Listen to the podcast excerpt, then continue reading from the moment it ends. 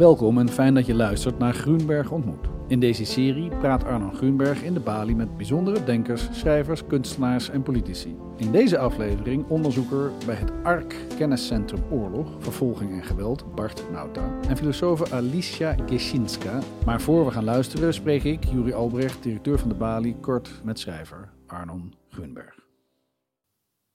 Welkom Arnon Groenberg. We gaan straks luisteren naar deze aflevering, maar eerst wil ik je graag iets vragen over dit gesprek. Dit is een gesprek over de Nederlanders in het zondercommando. Die werkten bij de gaskamers van Auschwitz-Birkenau. En het zondercommando waren de gevangenen die gedwongen werden om de lijken uit de gaskamers te halen en ook de levenden de gaskamer in te leiden. Het aller, allerdiepste punt van wat je als mens min of meer kan meemaken. Het was een buitengewoon indringend gesprek.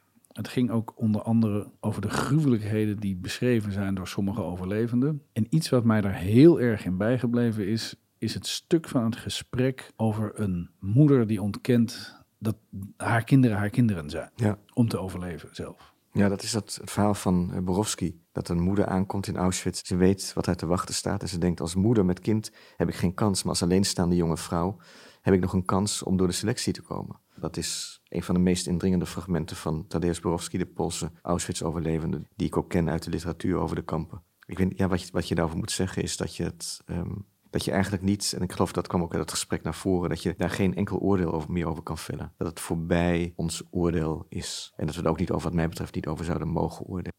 Dat kwam in het gesprek heel duidelijk naar voren. Ik denk dat het een reden is voor iedereen om naar het gesprek te luisteren. Want gek genoeg, de gruwelijkheden waar jullie het over hebben, zorgde bij mij in ieder geval voor, voor een enorme tolerantie eigenlijk. En een waarschuwing tegen het oordelen over wat dan ook, wat andere mensen aan gruwelijkheden doen of overkomen. Ik denk dat er in het algemeen een, een gemakzucht zit in het oordeel.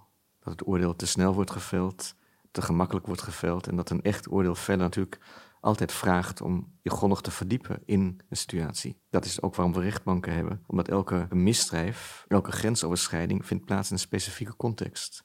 En je kan niet abstracte oordelen vellen. Dat wordt gewoon een gebod. Je mag niet doden, je mag dit niet, je mag dat niet. En elk gebod, ook in de Bijbel, mag onder bepaalde voorwaarden overtreden worden. Maar inderdaad, ik denk dat dit gesprek ook ons ervan bewust maakt, of zou moeten maken, dat je inderdaad in het algemeen voorzichtig daarmee moet zijn, maar ook dat je niet met zekerheid kan zeggen hoe jij gehandeld zou hebben. En dat je eigenlijk ook misschien nauwelijks kan voorstellen dat je in zo'n situatie bent. In die zin vind ik het wel belangrijk en heb ik ook genoeg geloof in de literatuur en het woord, dat kampliteratuur wel degelijk ons het idee kan brengen, kan geven hoe het zou zijn om daar zelf geweest te zijn, of hoe het was. Maar tegelijkertijd ligt er zo'n wereld tussen de wereld van het zondercommando en het Leidseplein anno nu, dat die bijna, bijna niet te overbruggen is.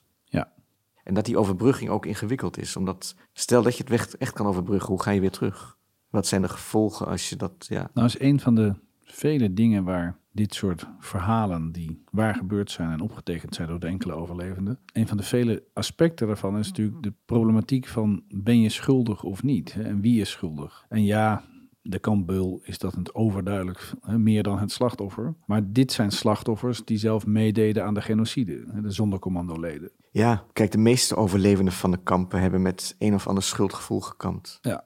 In strikte zin is dit een vorm van collaboratie. Maar tegelijkertijd, en dat zegt Primo Levi ook heel duidelijk, ik meen in eh, De Verdronken en de Geredden, waren het natuurlijk ook slachtoffers, eerst en vooral. En hij zegt ook heel terecht, ik kan daar geen oordeel over vellen, maar noemt wel het bedenken en het bestaan van de zondercommando's de meest demonische misdaad uh, van het uh, Derde Rijk. Inderdaad, omdat je mensen niet alleen fysiek, maar natuurlijk ook geestelijk vernietigt. Dat is, Ja. dat is ook wat hij beschrijft. Dat beschrijft hij ook. Dus de beroemde voetbalwedstrijd, die door diverse bronnen is opgetekend. Onder andere door Borowski, eh, tussen de SS en leden van de zondercommando. Kijk, zegt de SS, wij trekken jullie omlaag. Jullie zijn ook Kain, Jullie Abel ook- vermoord. Misdadigers. Jullie zijn net als wij, Ja. geen haar beter. En Borowski zegt, tijdens het nemen van een hoekschop worden er weer 200.000 mensen verbrand. Die formuleert het zo. Je kon natuurlijk alleen maar overleven door je aan te passen. En in zo'n systeem is elke aanpassing al een vorm van collaboratie. En ik denk zelfs over iets als de Joodse Raad, waar Bart van der Boom onlangs een interessant boek over heeft geschreven, denk ik dat je een heel genuanceerd oordeel moet vellen over de Joodse Raad in Nederland, over de Joodse Raad bestaan aan zich. Het alternatief is zelfmoord plegen. En kan je dat van mensen vragen? Dat hebben natuurlijk sommigen gedaan. Maar kan je dat? Ik weet het niet. Ik denk het eigenlijk niet. Als je Primo Levi leest hè, en anderen, dan heb je de indruk dat de nazi's er niet alleen op uit waren om de Joden fysiek te vernietigen, maar ook echt daadwerkelijk moreel te vernietigen. Ja, dat denk ik, dat is waar. Ja. Om ze medeplichtig te maken aan hun, aan hun eigen verdwijnen. Ja. Het is het medeplichtig maken dat de geestelijke vernietiging is. En ik denk dat is in zoverre goed gelukt dat, dat zoveel inderdaad met, met ondraaglijke schuldgevoelens hebben gekampt. Of inderdaad met, zoals Marga Minko dat na de oorlog heeft gezegd, van ja, waarom, waarom ik eigenlijk? Dat is natuurlijk ook waarom moest of mocht ik overleven en mijn, de rest van mijn familieleden niet. Daar zit ook iets onverteerbaars, hè? Voor mij in geval, dat de slachtoffers zich schuldig voelen en de daders heel vaak niet. Nee, dat is een, dat is een raadsel. Ja. Dat is een raadsel. Dat is iets wat, ja, nee, heel vaak niet. Nee. Dat is een ongelooflijk mooi gesprek, raadslachtig gesprek eigenlijk Ja. ook wel. We gaan luisteren. Dankjewel.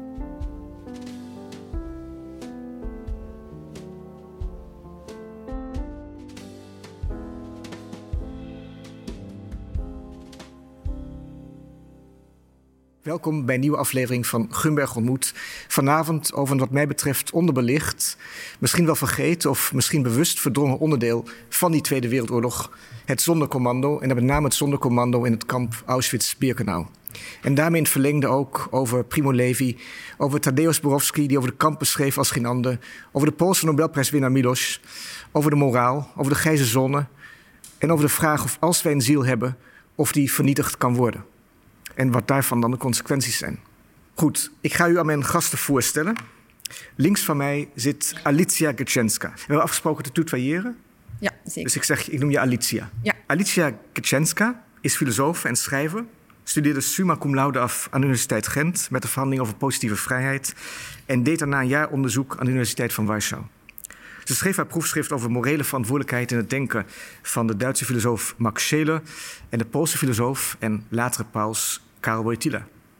Ook publiceerde zij diverse boeken, waaronder haar filosofische debuut De Verovering van de Vrijheid. En met haar debuutroman Een soort van liefde in 2016 won ze de debuutprijs 2017. En intussen komen de mensen, een boek uit 2019, werd bekroond met de Liberalis Boekenprijs uit datzelfde jaar. En je schreef ook het essay voor de Maand van de Filosofie van in, eh, in 2020. En dit jaar komt in het herfst komt je debuut, komt een nieuwe bundel uit met die getiteld is Trojaanse Gedachten. Ja. Daar ben je het helemaal mee eens? Ja, ja, alle- alles klopt. Alles klopt. Oké. Rechts van mij zit eh, Bart Nauta. Bart Nauta werkt als onderzoekeradviseur bij ARQ Kenniscentrum Oorlog, Vervolging en Geweld. Nauta heeft de Master Holocaust en Genocidestudies afgerond aan de Universiteit van Amsterdam en het Nieuwland Nieuwland Instituut voor Oorlogs, Holocaust en Genocidestudies. Hij werkt aan verschillende multidisciplinaire onderzoeksprojecten met betrekking tot veteranen, moral injury en de psychosociale gevolgen van oorlog. Hij is tevens eindredacteur bij Impact Magazine. En tijdens zijn studie onderzocht hij een humanitaire interventie van Nederlandse militairen in Rwandese, eigenlijk in vluchtelingenkampen in Zaire, oftewel Congo. En dat was aanleiding voor de andere tijden uitzending Een Vergeten Missie. En ook publiceerde hij in NRC Handelsblad over Nederlanders in het zondercommando van Auschwitz-Birkenau. En net vertelde jij me dat je gaat promoveren op mo- moral injury bij daders. En met name daders die hebben meegedaan aan de genocide in Rwanda. Ja, dat, ja? dat mocht ik wel verklappen, toch? Dat mag je best verklappen. Oké. Ja. Het is een verkennend onderzoek, dus ik ben bezig met een literatuurstudie. Dat is een beetje in, eh, in de opmaat naar het uiteindelijke promoveren. Voor de mensen die, die geen idee hebben wat het zondercommando was.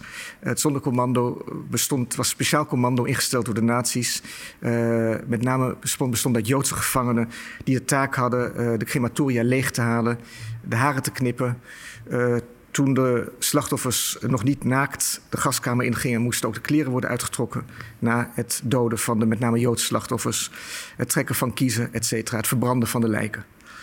Uh, tussen 1942 en 1945 hebben ongeveer 2100 mannen, het zijn mannen, in de diverse zondercommando's van Auschwitz-Birkenau uh, gediend.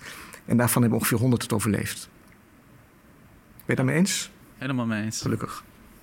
Daarvan hebben er 20 ook getuigenissen nagelaten. 20? Ja, dat is best veel. Ja. ja. Maar de meeste hebben die getuigenissen nagelaten in het kamp zelf, toch? Er zijn maar enkele die echt geschreven hebben na de oorlog. Of geïnterviewd zijn. Ja. ja. Ik wilde eigenlijk beginnen met een, met een citaat, een lang citaat, wat jullie wilden voorleggen. Uit uh, De Verdronken en de Geredden van Primo Levi, waarin hij uitspraken doet over het uh, zondercommando. Een, uh, een citaat, dat eigenlijk een fragment wat mij altijd weer aangrijpt als ik het lees. De zondercommando's met hun afgrijzelijke geheim werden streng gescheiden gehouden van de andere gevangenen en van de buitenwereld. Maar zoals iedereen weet die in dergelijke omstandigheden verkeerd heeft, is geen enkele barrière ooit waterdicht. Nieuws heeft een formidabel penetratievermogen. En dan is het ook onvolledig of vertekend, iets zijpelt er altijd door. Al tijdens onze gevangenschap hoorden we vage, onsamenhangende berichten over die commando's. Later bevestigd door de bronnen die ik al noemde, maar de intrinsieke horreur van hun bestaan heeft aan alle getuigenissen een zekere terughouding opgelegd. Daarom kan, men er zich ook, daarom kan men zich ook nu nog maar moeilijk een beeld van vormen. Wat het betekende maandenlang zulk werk te moeten doen. Enkele getuigen hebben verklaard dat er grote hoeveelheden drank aan die ongelukkigen werden verstrekt. En dat ze zich in een permanente staat van totale afstomping en uitputting bevonden. Een hunner heeft gezegd: Als je dat werk moet doen, word je of de eerste dag gek of je went eraan. Een ander, zeker, ik had mezelf kunnen doden of laten doden, maar ik wilde leven om het te wreken en om te getuigen. Laat men niet denken dat wij monsters zijn. We zijn net zulke mensen als jullie, alleen veel ongelukkiger. Zulke uitingen en al het andere meer dat er gezegd moet zijn, maar waar wij geen weet van hebben, mag men natuurlijk niet letterlijk nemen. Van mensen die in zo'n diep mensonterende toestand hebben verkeerd, kan men geen verklaringen in de juridische zin van het woord verwachten. Hoogstens iets wat het midden houdt tussen klacht, vloek, boetedoening en een verdwijfelde poging zich te rechtvaardigen, zichzelf terug te vinden. Uit het hoofd van de Medusa zal men eerder een kreet om verlossing kunnen horen dan een waarheid. Het bedenken en realiseren van de zondecommando's is de meest demonische misdaad van het nationaal socialisme geweest. Achter de praktische kant ervan, eigen mankracht sparen, anderen met de gruwelijkste taken belasten, gaan geraffineerde overwegingen schuil. Door middel van dit instituut probeerde men op anderen, en wel op de slachtoffers zelf, de last van de schuld af te wentelen, om hen zelfs de troost zich onschuldig te weten te ontnemen. Het is niet gemakkelijk, nog aangenaam, om die afgrond van gemeenheid tot in zijn diepste diepte te peilen. Maar ik denk toch dat we dat moeten doen. Omdat wat men gisteren heeft durven doen, morgen weer geprobeerd zou kunnen worden. Onszelf of onze kinderen zou kunnen treffen. Men heeft de neiging zich ervan af te keren en niet aan te denken. Dat is een verleiding waar men weerstand moet bieden. Het bestaan van de zondecommando's had een betekenis, hield een boodschap in. Wij, het herrenvolk, vernietigen jullie, maar jullie zijn niet beter dan wij. Als we dat willen, en we willen het, kunnen wij niet alleen jullie lichaam, maar ook jullie ziel vernietigen. Net als we het met onze eigen ziel hebben gedaan. Alicia, als ik met jou mag beginnen. Ben jij, Levi zegt hier heel veel, denk ik. Ben je het eens met zijn opmerking dat we toch die diepste diepte moeten peilen? Ben je het ook eens met zijn opmerking dat het bestaan van de zondecommando's de meest gruwelijke misdaad van het nationaalsocialisme is geweest? Ja, um, ik denk ik ga zeker akkoord dat wij moeten daar naar peilen. Daarom ben ik ook dankbaar dat we hier samen zitten om daarover na te denken. Want het is te simplistisch en het is fout om de mensen op te delen in goede en slechte, en slechte mensen, in heiligen, in duivels. Uh, er is zoveel schakering en nuance ertussen uh, van het kwaad, van ook van het goede. Um, en ook soms gebeurt het goede door kwade mensen of door het slechte. En soms door het slechte gebeurt soms iets goed. En wij kunnen daar heel moeilijk mee omgaan. Voor ons is iemand slecht of is iemand goed. Wij kunnen heel moeilijk omgaan met slechte mensen die opeens goede vaders blijken. Of, of goede dierenliefhebbers. Of weet ik wat allemaal. Dat die dan opeens toch goede zaken in zich dragen. Um, en met de zondercommando's uh, zitten wij mij eigenlijk slachtoffers die daders tussen aanhalingstekens? Dat is de grote vraag. In hoeverre zijn ze medeplichtig? In hoeverre zijn ze verantwoordelijk? Wat is eigenlijk hun rol? Uh, dat zijn zeer ongemakkelijke vragen. En je kunt die heel snel uit de weg gaan en zeggen: nee, het zijn allemaal slachtoffers. En dat zijn de daders.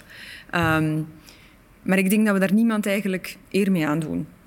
Ik denk dat, het, dat wij het aan onszelf en aan, aan eigenlijk alle overlevers en aan iedereen die het heeft meegemaakt, en zeker aan zij die, die, die in die zondercommando zaten, ergens verschuldigd zijn om daarover na te denken. En ook om wat dat Primo Levi zelf al aangeeft.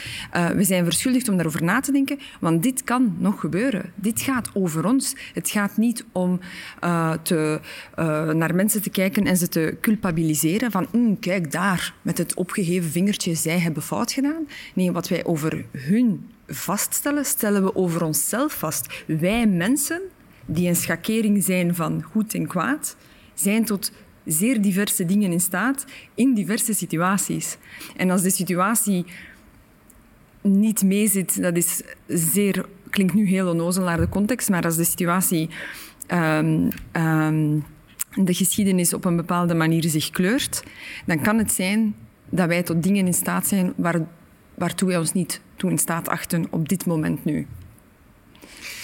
Dat begrijp ik, maar kunnen wij ons eigenlijk kunnen we ons een voorstelling maken van wat het geweest moet zijn om lid te zijn van zo'n zondercommando? Levi heeft zelf daarvoor is ook bekritiseerd gezegd: Ik ben niet de echte getuige van Auschwitz. De echte getuigen hebben het kamp door de schoorsteen verlaten.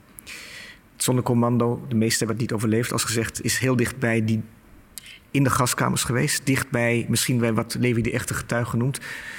Moeten wij een moreel oordeel over die leden vellen? Levi heeft het geloof, geloof ik geweigerd dat te doen. En kunnen wij dat? Is het, en, en ook leert ons de keuzes die die mensen, die mannen, onder ongelooflijke omstandigheden hebben gemaakt. Leert ons dat echt iets? Kunnen wij daar lessen over de mensheid uit trekken? Ik denk het wel. Ik denk wel dat wij lessen, lessen, ik ga niet zeggen lessen kunnen leren dat je dan zegt, oeh, ik ga dat anders doen. Als je dat onder lessen verstaat, dan niet.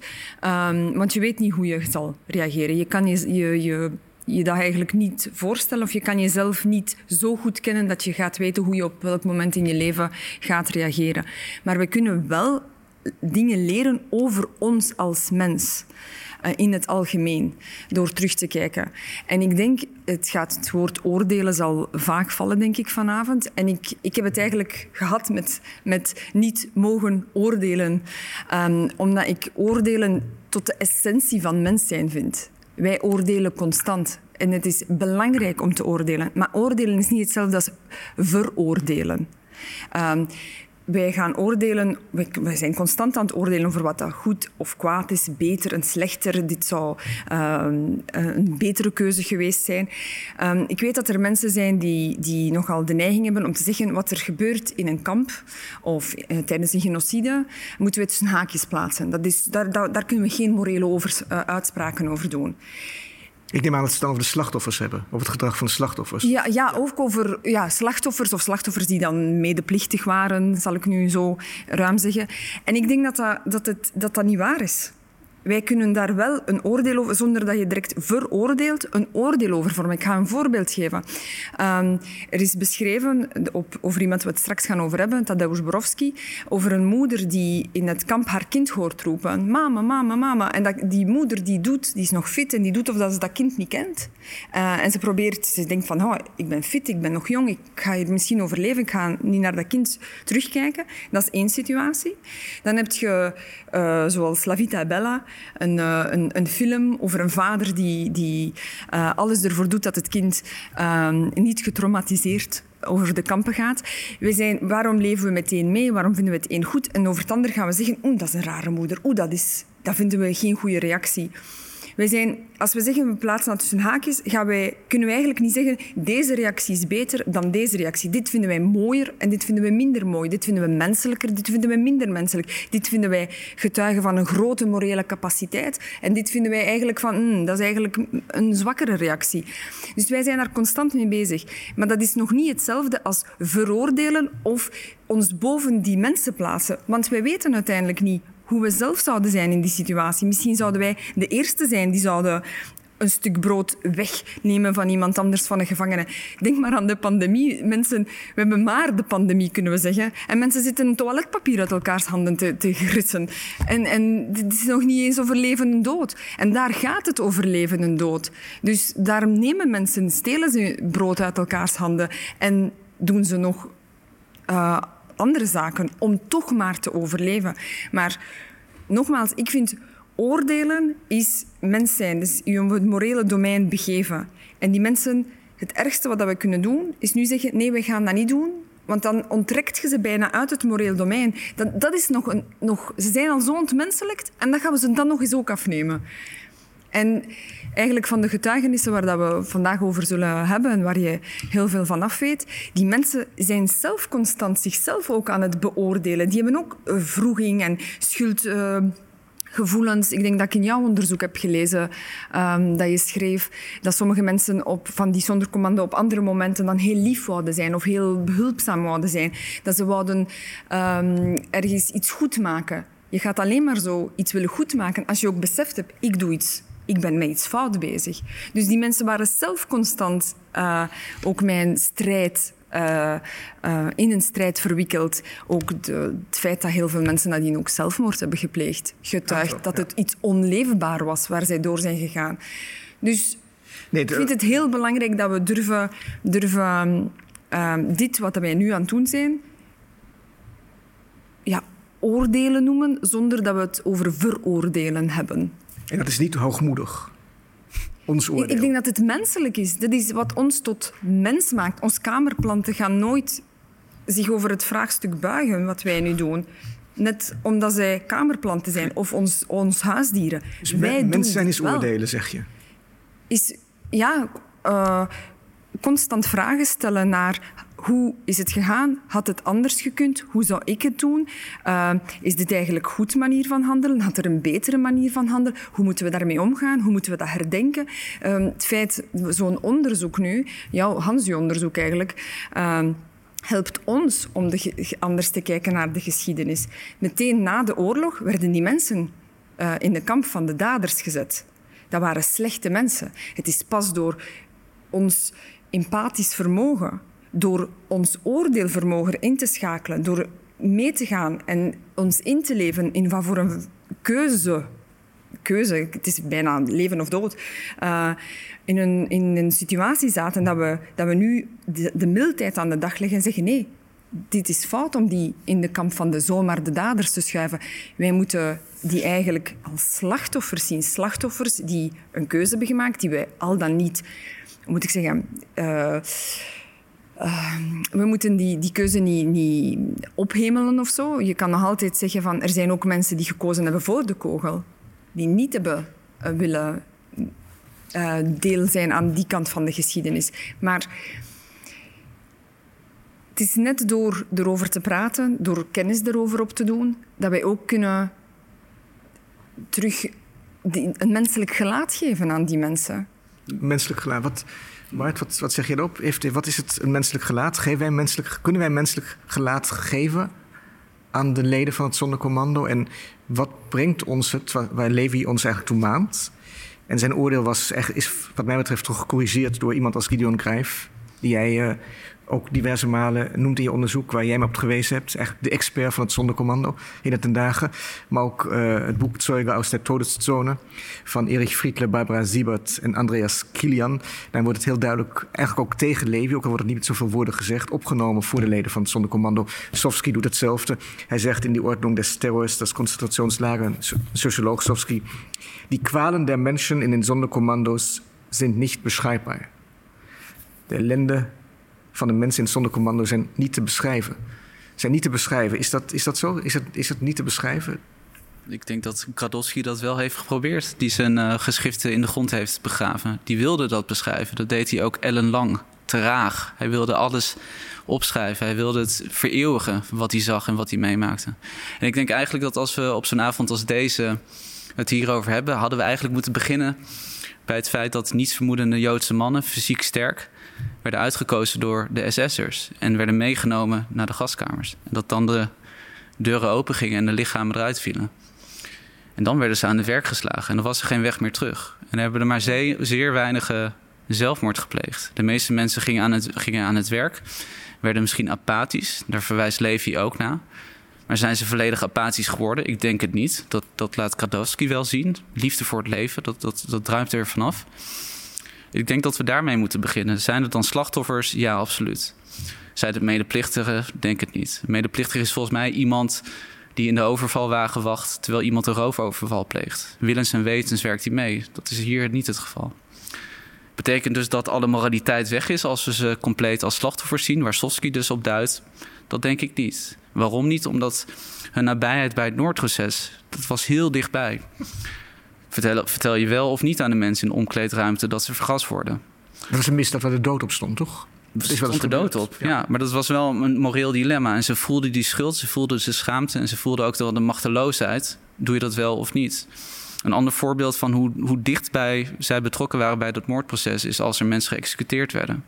De zonnecommanders moesten dan die mensen vasthouden. Want als je iemand neerschiet, dan valt het lichaam achterover... en dan kon je de SS'er bevuilen. Dus en dat maakt het denk ik ongemakkelijk. En ik denk dat Levi daar ook op wijst. En hij doet het heel goed door te zeggen dat we daar geen morele oordelen over moeten hebben. Maar hij roept wel de vragen op van die uh, morele verantwoordelijkheid en van de schuld. En dat sluimert ook wel in de, ik denk ook wel in de naoorlogse Joodse gemeenschap. Uh, men was boos, men was verdrietig, men rouwde. De daders die waren weg, die zaten in Zuid-Amerika of in Duitsland. Dus de pijlers van die frustraties richten zich op de capo's, richten zich op het zonnecommando. Hanne Arendt schreef ook dat zij zelf verantwoordelijk waren, die Joodse commando's, voor de vernietiging. Is niet waar natuurlijk. Levi probeert het dan wel, maar gebruikt ook woorden als collaborateurs. Gebruikt woorden als aanschieren van het crematorium. Um, en dan zie je dat dat taalgebruik zo, zo belangrijk is. En dat je ook met dat taalgebruik geen onrecht moet doen aan de mensen. En dat het misschien niet zozeer een kwestie is van oordelen, maar van begrijpen. Denk je dat Levi ook boos was op het zonnecommando? Dat woord... Misschien was hij boos op zichzelf. Hij was ook boos op, op Henri, Paul Steinberg. Ja. Vrij, hij velde hele harde ja. oordelen. Ontzettend harde oordelen. En hij velt vooral het oordeel op het moment dat mensen apathisch worden. En ik denk dat hij zelf ook heeft beschreven in zijn werk hoe je moet overleven. Dat het menselijk is om andere mensen ook kwaad aan te doen, ook als gevangene. En misschien voelde hij zich daar schuldig op. En dat pakt hij er ook uit bij dat zonnecommando. Of dat terecht is. Je zegt terecht van we hadden moeten beginnen met het feit dat, dat sterke Joodse mannen werden misleid. Ze werden, vaak werd hen verteld dat ze ergens anders uh, zouden werken. Ze wisten niet wat voor werk ze gedaan zouden hebben. We weten ook dat een uh, aantal mensen uit Corfu aan mas geweigerd hebben zich aan te melden voor het zondercommando. En die zijn allemaal meteen vermoord. Ik wil ook voor een beter beeld te krijgen, en omdat ik ook over de opstand van het zondercommando die plaatsvond op 7 oktober 1944, nadat die een aantal keren was uitgesteld. Om dat in een um, kader te stellen, wil ik even naar de getuigenis luisteren van de zoon van Leon Cohen. Leon Cohen was een Grieks overlevende uh, van het zondercommando die op 11 april 1944 aankwam in Auschwitz. Hij heeft verschillende functies vervuld in dat zondercommando, want ook als standaards. Dat is niet echt het woord, maar hij was dus verantwoordelijk voor het, onder andere voor het um, uittrekken van de gouden tanden en kiezen. En hij stierf in 89 in Israël. En zijn zoon, die spreekt tijdens een conferentie over het zondercommando in 2013, meen ik, in, in Brussel. En ik wil graag even dat uh, fragment bekijken. This is the whole uh, um, Birkenau camp, okay? This is crematorium number two, number three, where my father was, number four, where the revolt was, and number five. This here point is where the guard tower and the uh, that are uh, you know supervising the whole operations here. Also, mind you, this here is Canada. That is where the clothes were stored when they arrived. The prisoners arrived. This is the Canada. Okay, so you can see that between here and here it's easy to get, but from here to here, where my father is and where the revolt happens, it's quite difficult to uh, even see what's going on. Okay, uh, so. Um, and also, please mind that these four crematoria are isolated from the rest of the camp. They are barbed wire. They're a camp within a camp. So, in, 19, uh, in April 1944, the last uh, transport from Greece leaves for Auschwitz, and it's uh, uh about 2,300 the moment they arrive in Auschwitz. About 650 are left alive and they are sent to various jobs. Uh, all the rest of the 2,300 are executed in the gas chambers. Okay, ah, okay. Uh, they, they, are uh, uh, uh, sent to the gas chambers uh, around August, just a bit before August. This other commander decides to uh, make an uprising, not only as Sonderkommandos, but the entire camp of Auschwitz. They decided that they're going to revolt against the, uh, their, their, their, guards and the Germans. The Russians are already, you can hear the cannons of the Russians uh, from, farther, uh, from far away, so they think that this is the right moment to do it. They decide to do it on August the 15th. August the 15th is the uh, uh, Christian celebration of the passing away of Mary, the Virgin Mary. So they decide it's going to be more relaxed, and that way it will be easier to overpower the guards, and the whole camp will uh, go on on a, on a, uprising and overcome their guards.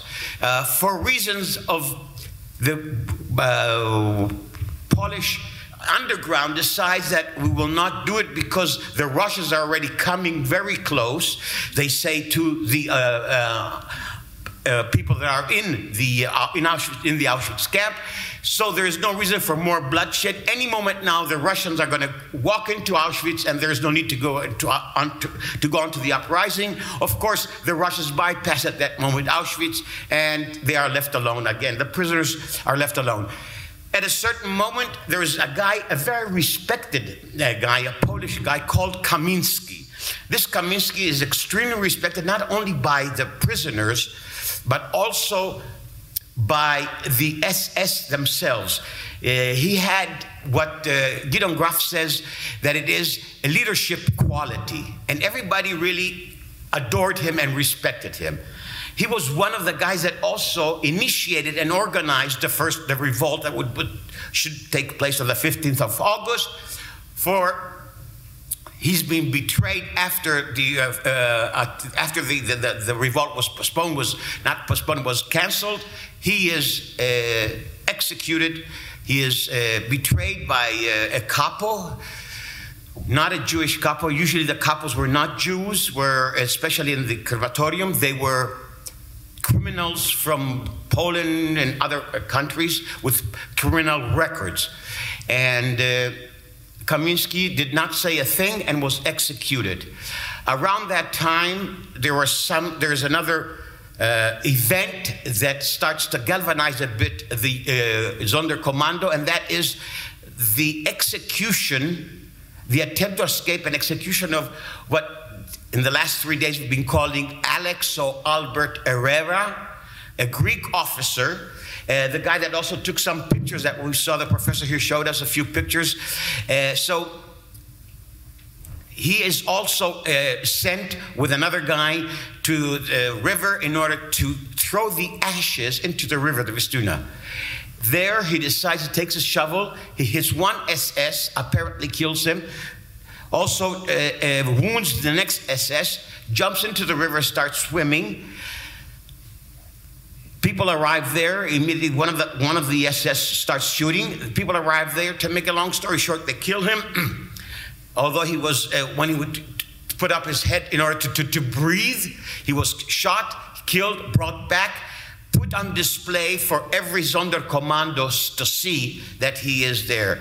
Uh, there are various myths about this guy uh, from various people. Uh, just to give you an example of what I'm saying about rewriting the history in Greece, the Greeks say that uh, this guy was thrown alive into the furnaces, into the ovens, which is not, of course, it is a lie because we have it from my father, we have it from Shlomo Venezia, we have it from Nazari, we have it from everyone that was in those camps in the, in the uprising that they went through and saw him with wounds in his head.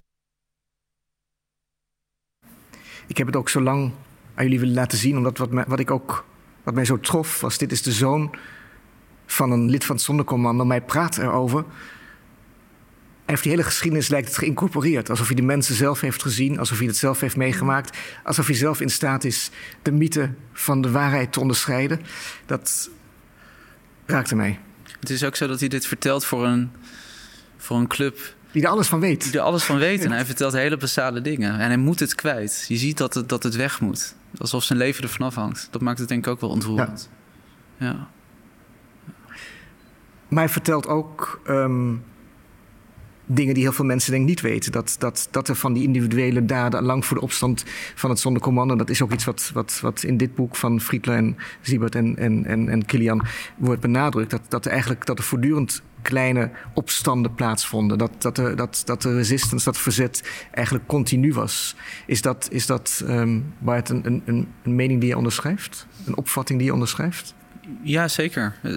Een daad van verzet was het feit dat, dat er een club eh, religieuze joden tegen de oven van crematorium 3, bovenin waar ze woonden, een altaar hadden gemaakt. Waar ze elke vrijdagavond bijeenkwamen. Is een daad van verzet, zou je dat kunnen zien. Waar niet dat trouwens een SS'er dat eigenlijk ook wel mooi vond. Omdat het een bewijs was dat eigenlijk zijn slachtoffers niet onmenselijk waren. Die was eigenlijk wel heel tevreden mee. Um, en dat er contact was, ook wel met andere gevangenen, mocht absoluut niet. Het waren dragers van het geheim, maar het was er wel. Er waren ook wel seksuele relaties. Dat staat nergens geschreven, maar dat, dat heeft Gideon Guif me ook wel verteld. Um, en er wordt heel veel gesmokkeld, eten, zware. En ze hebben dus ook wil toch een beetje opnemen voor het Zonnecommando, ook wel mensen kunnen helpen door, door te smokkelen, smokkelen van eten. En dat zijn daden van verzet. Omdat ze toegang hadden tot, tot de bezittingen, tot het, wat, wat de slachtoffers, de vermoorde Joden bij zich hadden. Ja. ja en misschien is het, het verzet sowieso wel, dat, dat hele systeem was erop gericht om te ontmenselijken. En, in, en in extreem is bij dat zonnecommando. Maar dat je dan nog in staat bent om inderdaad uh, je geloof in God te bewaren en hem te aanbidden, is natuurlijk een, een enorme daad van verzet. Hun menselijkheid is een daad van verzet, zou je, is, is, is overleven ook een daad van verzet onder, onder die omstandigheden? Ja, denk het wel. En ik, ik, maar je leest denk ik het ergens ook wel, ik, dat komt nu in mijn hoofd op, dat de SS, volgens mij zegt dat Muesveld tegen Niesli ook, van de, de, de, de Russen komen eraan, het is nu onze beurt. En het is aan jullie om dit te vertellen. Dus misschien over de, over de relatie onderling tussen de SS en het zonnecommando. Dat is de grijze zone, eh, de, de verhouding onderling. Ja, is het verzet. Misschien het pijnlijke aan, dit, aan het verhaal, en dat hebben misschien nabestaanden of, of de overlevenden van, van de kampen ook wel beseft, is dat hoe innig die band in sommige gevallen ook werd. Er was ook een Nederlandse SS'er, een jongen van een jaar of twintig. En dat was eigenlijk een vriend voor hen. Dus dat was geen dader meer, maar dat was een vriend. Maar we moeten dan niet vergeten, als historici of als het publiek wat erover leest, dat deze jongen betrokken was bij executies. Dat was zijn taak. Hij was waarschijnlijk corrupt. Er was ontzettend veel goud. Het is een dader puur zang, maar in de ogen van het Zonnecommando zagen ze hem misschien wel als een gelijke. Dat is ook wat Levi schrijft als hij refereert aan een voetbalwedstrijd die waarschijnlijk heeft plaatsgevonden. Vaker misschien zelfs tussen leden van het Zondercommando en de SS. Dat hij zegt eigenlijk is daar er waren trouwens wel te weinig SS'ers om echt een partijtje te spelen. Dat zullen de historici weer zeggen. Maar het is zelfs zo dat, dat volgens mij een Grieks lid uit het Zonnecommando ook beschrijft dat die SS'er ook zijn wapen heeft geleend aan, het, aan iemand van het Zonnecommando om er even mee te spelen. Dat hou je natuurlijk niet voor mogelijk. En dat zijn natuurlijk ook grote vragen over de menselijkheid van de dader. Die natuurlijk heel schuldig is, ook absoluut niet medeplichtig. Maar in de niet ogen. Medeplichtig? Dat wacht even. Nee, de, de, de, menselijkheid van de dader. Je hebt het over de dader, toch? Ja, ja. En die is medeplichtig? Nee, die is niet medeplichtig. Dat is een dader. Dat is een dader. Dat medeplichtig is IG Farben of zo. De mensen die laten het concern dat, dat weet... willens en wetens ook gebruik maakt van, van de slavenarbeid... en Zyklon B levert. Maar de daders zijn de daders, ook in dit geval. En ook als iemand vriendelijk is. En je zou zelfs kunnen zeggen dat daders... en dat, dat kom ik nu ook wel tegen in het literatuuronderzoek dat ik doe die willen ten alle tijde het beeld van zichzelf bewaren dat het goede mensen zijn. Dus met kleine daden van menselijkheid naar de gevangenen toe hebben zij weer het gevoel: zie je wel, ik ben niet zo slecht. Ook iemand als die SS Mol, die daar wordt genoemd. Die kan... Nee, dat is een sadist. Die moet je, die moet je absoluut weg. Uh... We hebben een aantal categorieën. We hebben de sadisten, we hebben de daders. Ja. En onder de daders waren de sadisten eigenlijk in de minderheid. Ja, denk het wel. De, de, consensus is, en ik weet niet of ik daarmee eens ben, Abraham de Saan is het er ook niet mee eens, denk ik, is het idee dat daders ook normale mensen zijn. En dat, daar hintte jij denk ik net ook op. Ja. En dat het morele keuzes zijn en dat we hebben het over het zonnecommando, maar, maar wat ik ooit in mijn scriptie heb geprobeerd te doen is om, om die Nederlandse wereld daar te creëren. En die Nederlandse wereld is interessant omdat de Nederlanders in het zonnecommando zaten, die ook betrokken waren bij de opstand en ook verzet hebben gepleegd. Um, waar het niet door te zingen Hollands vlag, je bent mijn glorie voor iemands executie. Een Nederlander die zong dat. Maar dat er ook Nederlandse SS'ers waren. En dat ze elkaar mogelijk ontmoet hebben. En dat ze dan misschien hebben gesproken over Amsterdam of het Leidseplein. En dat die band inniger en hechter werd. Maar dan niet vergeten dat die thuis nog steeds schuldig waren. Want die Nederlandse jongen had ook een administratiebaantje kunnen doen. Het is niet zo dat hij, dat hij als hij geweigerd had met dit werk, dat hij uh, doodgeschoten was. Wat je later dus wel hoort in, in, in rechtszaken tegen daders. Maar dat is allemaal weer licht, toch? Dat is allemaal Onder andere de Browning. En, ja. ja.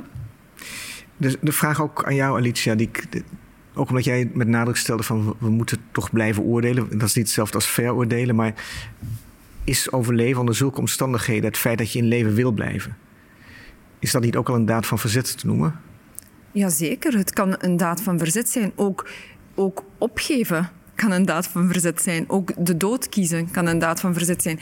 Ik, ik vind het lastig om, om dingen onder koepels te brengen. Zo, zo is het kwaad, zo is het goed, zo zijn mensen in uniform, zo zijn mensen in, in, uh, in gevangeniskledij, zo is het zonder commando. Um, dat is ook niet één homogene groep. Uh, mogen we ook nooit uit het oog verliezen. Het, je hebt inderdaad mensen die, die met de trein aankwamen, ze zagen er sterk uit, uitgepikt werden, de job moesten doen en dezelfde dag bij wijze van spreken nog neergeknald werden. En zo zijn er ook mensen in kampen die eh, bij dat commando of bij de sterke mannen zaten, die twee jaar meegingen.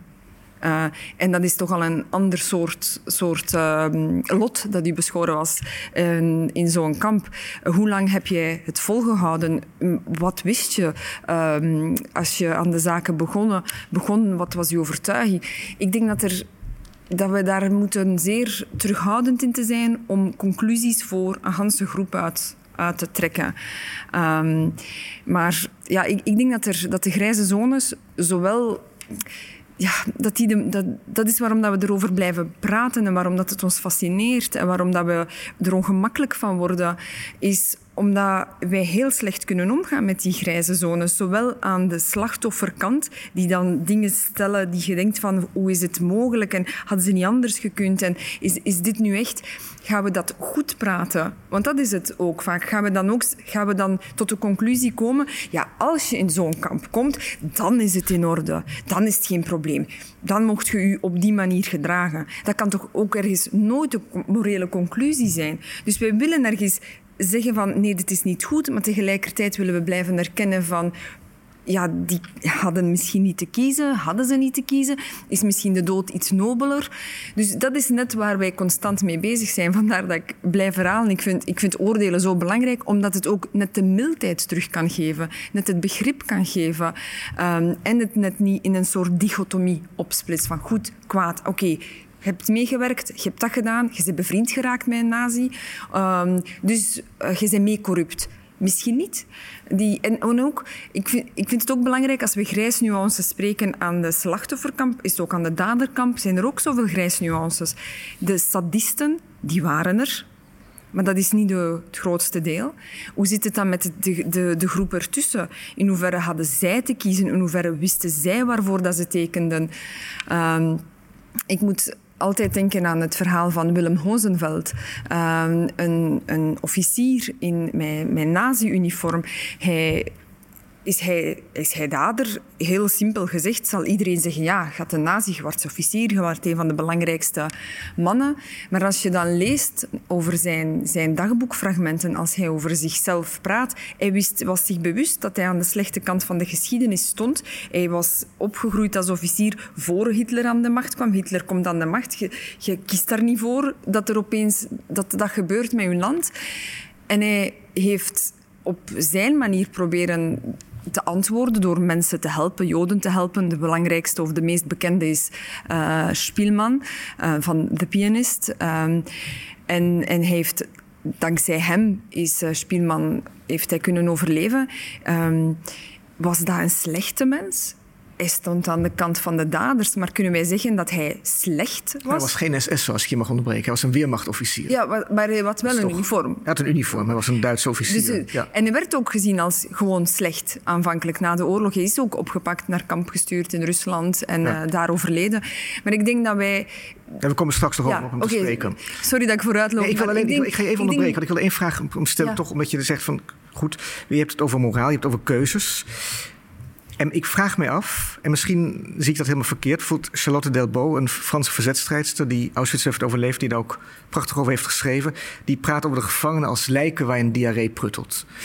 Dus kun je, kan een lijk, kan een levend lijk waar een diarree pruttelt, Oh, kan je nog veronderstellen dat, dat die een keuze, of zelfs maar een morele keuze kan maken? Is dat. Moeten wij daarvan uitgaan? Moeten wij denken, zoals wij hier zitten, van dat. Nogmaals, ik herhaal die woorden omdat ze indruk op mij maken, maakten en maken. Een lijk waar een diarree pruttelt, kan die een keuze maken? Laat ik het zo aan je vragen. Is die in staat tot keuzes? Terug, we maken een, een, eh, een homogene groep van alle gevangenen.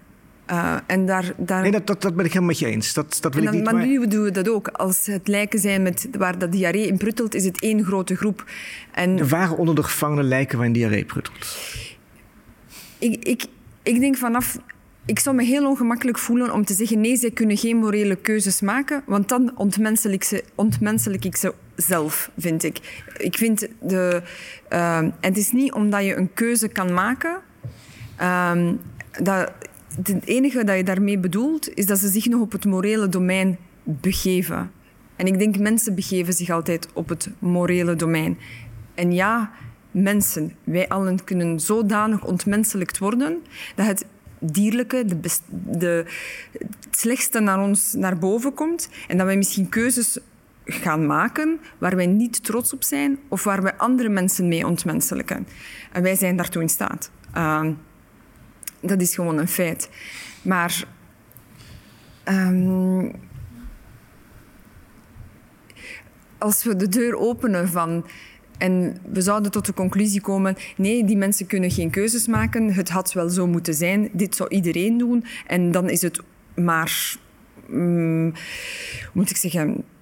eh, dat we het niet meer gaan durven als iets slecht of kwaad of een moreel kwaad gaan durven bestempelen. Dan denk ik dat we de verkeerde inslag hebben genomen. Hoe zie jij dat, Bart? Ik probeer. Ik, ik denk het meest ontroerendste stuk uit Levi is als hij de muzelmannen beschrijft. En ik denk de muzelmannen is, is het lijk met de diarree. De persoon die eigenlijk alles al heeft opgegeven. En ik denk dat als Levi erover schrijft, dan, dan vindt hij, naast het zonnekoman, is denk ik, vindt hij dat het ergste. Waarom? Omdat je als gevangene die geen muzelman is, niks meer aan die muzelmannen hebt. Want die gaan praten over het eten thuis en over hun herinneringen. Maar dat zijn juist de zaken waar je niet aan, wil, aan wil denken. Dus hij sluit zich daarvoor af. En dat maakt het denk ik ontroerend. En wat misschien een verschil is tussen Levi... is dat hij wel de appetit had, wel de overlevingsdrang had. Misschien wel de, de kracht had om te jatten en te stelen. En die muzelmannen hadden dat niet. Dus de muzelmannen, naast het toeval... naast het geluk dat Levi wel had... de muzelmannen hebben natuurlijk wel de keuzes gehad... en hebben misschien niet de keuzes gemaakt... die uiteindelijk hebben geleid tot een overleving. Maar misschien dus ook keuzes hebben gemaakt... die misschien moreel beter waren. Dus dat proces moet je denk ik daarin ook wel meenemen. Maar op het moment dat ze muzelman waren, was het denk ik, was het denk ik klaar. Eh, trouwens, een van de verhalen van het Zonnecommando is dat een, een vrouw, een muzelman, wordt geen muzelvrouw genoemd, maar een muzelman die komt aan in het crematorium. Dat is een meisje, denk ik, van een jaar of 16. En die wil nog één keer met een man naar bed, want dat heeft ze nooit gedaan. Cruijff heeft het. Ja. Precies. En dan is er een comité binnen het Zonnecommando. Komt dan bijeen, achteraf, om te bespreken of je dit wel of niet moet gaan doen. Ik ga je nu toch even tegenspreken, sorry, intuïtief. Wat ik over de moezelmannen heb gelezen, kan ik me niet voorstellen dat als je echt een moezelman bent en in de gaskamer aankomt, dat je dan nog de kracht hebt te zeggen: Ik wil nog een keer seks hebben. Kan je dat voorstellen? Ik ben verbaasd dat jij dat meisje, want ik heb dat ook gelezen, het is een stuk wat je ons gestuurd hebt, dat je haar een moezelman noemt. Nou ja, misschien geen muzelman, maar ze is geselecteerd. Ja, ze is ter dode opgeschreven. Precies. Dat maakt haar nou, misschien geen muzelman, maar misschien wel ziek. In ieder geval misschien een lichaam, want ze is bestemd voor de gaskamer of voor executie. Maar er kwam natuurlijk ook heel veel Joden aan die, nooit, die eigenlijk nooit in Auschwitz hebben geleefd. Die, Maar deze vrouw was vies, dat beschrijft ze ook. Ze was beveld, dus ze komt uit het kamp. Dat weet ik vrij zeker. ja. Misschien is ook de moraliteit is de keuzeruimte die je als gevangene hebt. Waarom noemde je dit, dit- Ik had het ook opgeschreven, maar noemde je dat nu omdat... ehm, ik had geciteerd, het ligt hier klaar, om de later... Noemde je dat omdat je het zo interessant vond... dat het zondercommando eigenlijk een, een soort rechtbank vormde... of leden van het zondercommando rechtbank vormden... om te kijken of, of een lid van het zondercommando... met dat ten dode opgeschreven meisje seks kon hebben? Nee, het gaat mij denk ik om dat er een systeem is. Er is een systeem, het concentratiekampsysteem of een systeem van de genocide. Dat is erop gericht om te ontmenselijken, om de solidariteit kapot te maken. Om ervoor te zorgen dat mensen uit overleving gaan jatten, misschien ook andere mensen geweld aan doen. En daar zitten morele keuzes. Ik denk dat dat de morele ruimte is waar we een oordeel over kunnen hebben of waar we over kunnen praten. En dat raakt natuurlijk ook de, de handelingen en acties van zo'n muzelman. Of een vrouw die geselecteerd is voor de gaskamer. Wat is, zijn, is haar handelingsruimte als gevangene? Dat is de vraag. En kunnen we daarachter komen? Ja, door Ja. te bestuderen kunnen we weten hoe dat is. Ik weet En het is, is begrip, is het begrijpen wat dat meisje zegt... hetzelfde als oordelen? Het willen begrijpen, het willen navoelen? Ik zou zeggen van niet. Nee. En voor mij staat het begrijpen voorop. Ja.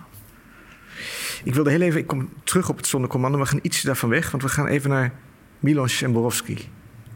Twee Poolse schrijvers die voor mij allebei erg belangrijk zijn.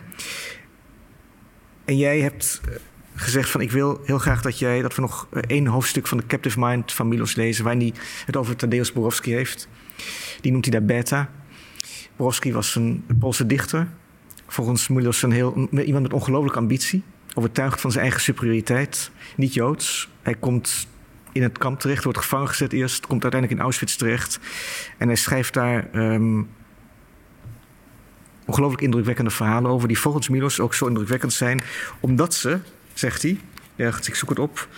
Because he never moralizes. Omdat hij nooit moraliseert. Dat is inderdaad ook een, wat zijn verhalen zo krachtig maakt. Ik vroeg me af om te beginnen, voordat we dieper ingaan op het lot van, van Borowski. Waarom jij, dit, waarom jij vanavond over deze twee mannen wilde praten. Ja, ehm, ik heb meteen aan Miłosz moeten denken, eh, aan The Captive Mind. Omdat Miłosz eh, in The Captive Mind echt probeert na te denken... hoe komt het dat mensen meewerken aan het kwaad? In dit geval het communistisch kwaad. Hoe komt het dat intelligente, soms goede, goede schrijvers, goede vaders... eh, toch deel zijn geworden van, van meer dan een radartje in het grote... spel, ehm, maar zelf actief hebben deelgenomen. En dus met eh, personages te beschrijven als alpha, beta, gamma, eh, delta, eh, beschrijft hij mensen die echt hebben bestaan, waaronder beta is Borowski, en probeert hij een karakterschets te geven, een beetje ook een biografie, wie ze waren en hoe ze hebben geleefd en bijgedragen tot het communistisch kwaad. En nu Borowski is zo een uniek eh, personage, heeft een een van de meest tragische levens dat je kan inbeelden. Zelf geboren in een minderheid, eh, ouders in kampen gezeten. eh, dan, Wat, wat, wat voor minderheid is hij geboren? ik weet niet precies, het is eh, aan de, de Oekraïne, denk ik. En, en, en aanvankelijk, doordat zijn ouders dan Pools waren, ehm, daar dan in, een, in tot de minderheid behorende, ehm, hebben ze niet dezelfde eh, rechten gehad en zijn die ouders in kampen gezet. Nog altijd dan eh, van, onder- de macht van Stalin. Ehm, en toch dan nadien met de, eh, met de Tweede Wereldoorlog... was hij geconfronteerd met het nazistisch kwaad. Nadien was die familie dan in Warschau verenigd. Dan was het nazistisch kwaad in, in Polen gekomen. Dan heeft hij per toeval, zeggen ze, want hij was inderdaad geen Jood... Ehm, in twee jaar in eh, Auschwitz verbleven, nadien in Dachau. En hij behoorde tot de sterke mannen. Hij schrijft daarover, over, ook over voetbal, voetballen met de nazi's, eh, over brood stelen, over hoe, hoe eh, onder de Joden zelf mensen hoopten de job te krijgen om bij de transport te, te, te kunnen aanwezig zijn. Dat dat een minder erge job was dan andere jobjes die er gedaan konden worden. Ehm, dus je komt heel veel informatie te weten. Maar hij komt dus uit die kampen, uiteraard niet ongeschonden. Ehm, en hij kiest dan voor eh, het communisme. Daarin hechtte zijn geloof. En dat is net het rare, en dat is wat Amiwosh ook beschrijft, voor waarschijnlijk de reden dat hij zo naar dat communisme is toch gegaan, ondanks zijn ouders, die eh, slachtoffer waren van Stalin, kan je zeggen. Ehm, dat hij dacht van, ja, zodat het nazistisch kwaad niet terugkeert, is misschien het communisme het antwoord daarop. Maar dat is zo'n complex, uh, zo'n complex personage van schuldgevoel en, en, alles wat dat hij besefte, dat hij op 28-jarige leeftijd, kort na de geboorte van zijn dochter, zelfmoord pleegt, pleegt door vergassing. Dus uh, dat is uh, beta. Dat is beta. Ja, dat is bijgedragen tot het communistisch kwaad en tegelijkertijd slachtoffer langs alle kanten. En deels dader dan, volgens, kunt je zeggen, volgens, dat is het portret dat Miłosz wil ja. zeggen, van het communistisch kwaad. Uh, dus... Vanwege de artikelen die hij schrijft, waarin die, hij noemt het ja. uh, gemene artikelen, waar hij keer gaat tegen het kapitalisme, Amerika. Ja. ja. En, dus dat het, en dat is een mooi personage om aan te tonen dat slachtoffer kan dader worden, dader kan slachtoffer worden. En, en hoe tragisch een lot van een mens kan zijn in een bepaald tijdsgevricht. Milo zegt ook dat, dat het, het nihilisme van Borowski het resultaat was van zijn ethische passie. En hij beweert dat, dat in die ijskoude verhalen uh, van Borowski, die op mij zoveel indruk hebben gemaakt, dat die eigenlijk contrasteren met het gedrag van Borowski zelf in het kamp. Want volgens Milos heeft hij zich daar heroïs gedragen. Ja. Dus dat is ook mijn vraag aan jou: van hoe de meeste mensen dikken hun eigen heroïek aan. En Borowski heeft zich juist minder goed voorgedaan dan die was. Wat, wat zou iemand bewegen om dat om, om zo. zich minder goed voor te. In zijn geschriften. Klaagt hij zichzelf aan, denk je? Ik, ik denk dat hij gewoon eerlijk is. Ik denk, ik denk als je overleeft in zo'n situatie, overleef je ergens ook ten koste van zaken. En een sterke man zijn en blijven, doe je ook ten koste van dingen. Je moet goede kleding hebben, je moet eten hebben, je moet connecties hebben, je moet weten wie je een hak moet zetten. En dat gebeurde daar op, op uh, dagelijkse basis. Dat, uh, dat je moest slim zijn en sluw zijn. En ik denk dat dat ook altijd gepaard ging met mijn schuldgevoel. En, en zoals ik zei, hij is daar niet ongeschonden. Ook al misschien sterk, maar niet ongeschonden uitgekomen. Die mensen waren zich ook bewust dat, uh, um, dat ze misschien overleefden uh, op, uh, ten koste van. Vind je niet dat wetende wat Borowski heeft meegemaakt, dat Milos een heel hard oordeel velt over hem? Ik, nu, ik, ik, ik ben hem eigenlijk dankbaar dat hij dat gedaan heeft. Omdat het net terug die nuance schetst van, van uh, uh, iemand is slachtoffer geweest, dus we moeten die precies altijd met uh, fluwelen handschoentjes blijven dragen. Die moet altijd als slachtoffer worden gezien. Tegenover een slachtoffer kan ook nog heel erge dingen doen of bijdragen tot een ander kwaad of medeplichtig zijn aan een kwaad. Um, en ik, ik, denk dat, dat het net, uh, net een diepere, diepere laag blootgeeft van wie we als mens zijn. En ik vind dat hij hij helemaal geen duivel van gemaakt. Uh, dat heb ik ook niet gezegd. Nee, nee, een hard oordeel. Maar, nee, nee. Hard oordeel. Uh, maar, maar ik bedoel... Zeker. Ik, uh, hij praat ook vol bewondering over hem. Hij, praat bewondering, hij schrijft vol bewondering over hem. Precies. Maar ook als iemand ja, gedreven door ambitie, iemand die bewust is van zijn eigen talent en die dat uiteindelijk verraadt. Ja, precies. Misschien is dat wel zijn grootste misdaad. Ik, ik kan, ik kan niet weten wat zijn grootste misdaad is, uh, is geweest. Maar, maar ik denk dat het uh, net een, uh, een meerwaarde is, beta, in de captive mind. Ik ben heel dankbaar dat je het naar voren brengt op deze avond. Ik wil even, omdat je dat al eerder uh, um, hebt genoemd, helemaal in het begin. Een passage uit het verhaal van Borowski. Het verhaal, de passage dat een moeder doet als haar kind niet bij hoort. Ik wil dat even voorlezen. Het komt uit het verhaal hierheen naar de gaskamers, dames en heren. Daar loopt een vrouw met vlugge pas. Ze haast zich bijna onmerkbaar, maar toch koortsachtig. Een klein kind van een paar jaar met de bolle blozende wangetjes van een cherubijntje holt achter haar aan. Het kan haar niet bijhouden, het strekt de armpjes uit en huilt. Mama, mama. Vrouw, neem dat kind op je arm. Meneer, meneer, dat is mijn kind niet. Het is niet van mij, krijst de vrouw hysterisch en zij vlucht met de handen voor het gezicht. Zij wil zich verbergen. Zij wil zijn onder degenen die niet met de auto gaan, maar te voet. Die zullen leven. Zij is jong, gezond en mooi. Zij wil leven. Maar het kind rent achter haar aan, luidkeels jammerend. Mama, mama, loop niet weg. Het is niet van mij, het is niet van mij. Dan komt André op haar af, de zeeman uit Sebastopol. Zijn ogen staan troebel van de wodka en de hitte. Hij grijpt haar, slaat haar neer met één forse slag. Terwijl zij valt, pakt hij haar bij de haren en sleurt haar weer overeind. Zijn gezicht is vertrokken van woede. Wat jij, Joodse hoer, van je kind wil je vluchten, ik zal je leren. Hij grijpt haar bij het middel, zijn hand knijpt haar keel dicht, die wilde schreeuwen. En met een zwaai gooit hij op de auto als een zware zak gaan. Je hebt dit fragment al eerder genoemd. Bart, ik, ik, ik, ik doe elke keer weer als ik dit lees, maakt dit zoveel indruk op me. Maar juist inderdaad omdat. Omdat je kan voorstellen die moeder te zijn. Omdat het zo is opgeschreven dat je dat kan voorstellen. Toch? Of zie ik dat verkeerd? Ja, ja. Misschien is de, de grijze zone is misschien bij dit soort situaties heel goed van toepassing. Dat de moeder inderdaad genoodzaakt is om dit soort dingen te doen. Ik weet niet eens of het een keuze is. Ik denk dat het haast intuïtief gebeurt om haar eigen leven te redden. En dat er een, een dronken rust bij is die gevangenen neerslaat. Dit is het beste fragment. Het, het fragment eigenlijk ook wel van dit, dit gedeelte van Borowski... waar hij eigenlijk overal zo kraakhelder schrijft... is, is het punt dat hij bij de, bij de binnenkomende transporten aankomt... is een soort van koortselier. Dat is helemaal niet meer zo, zo helder als de andere dingen. Het zijn fragmenten.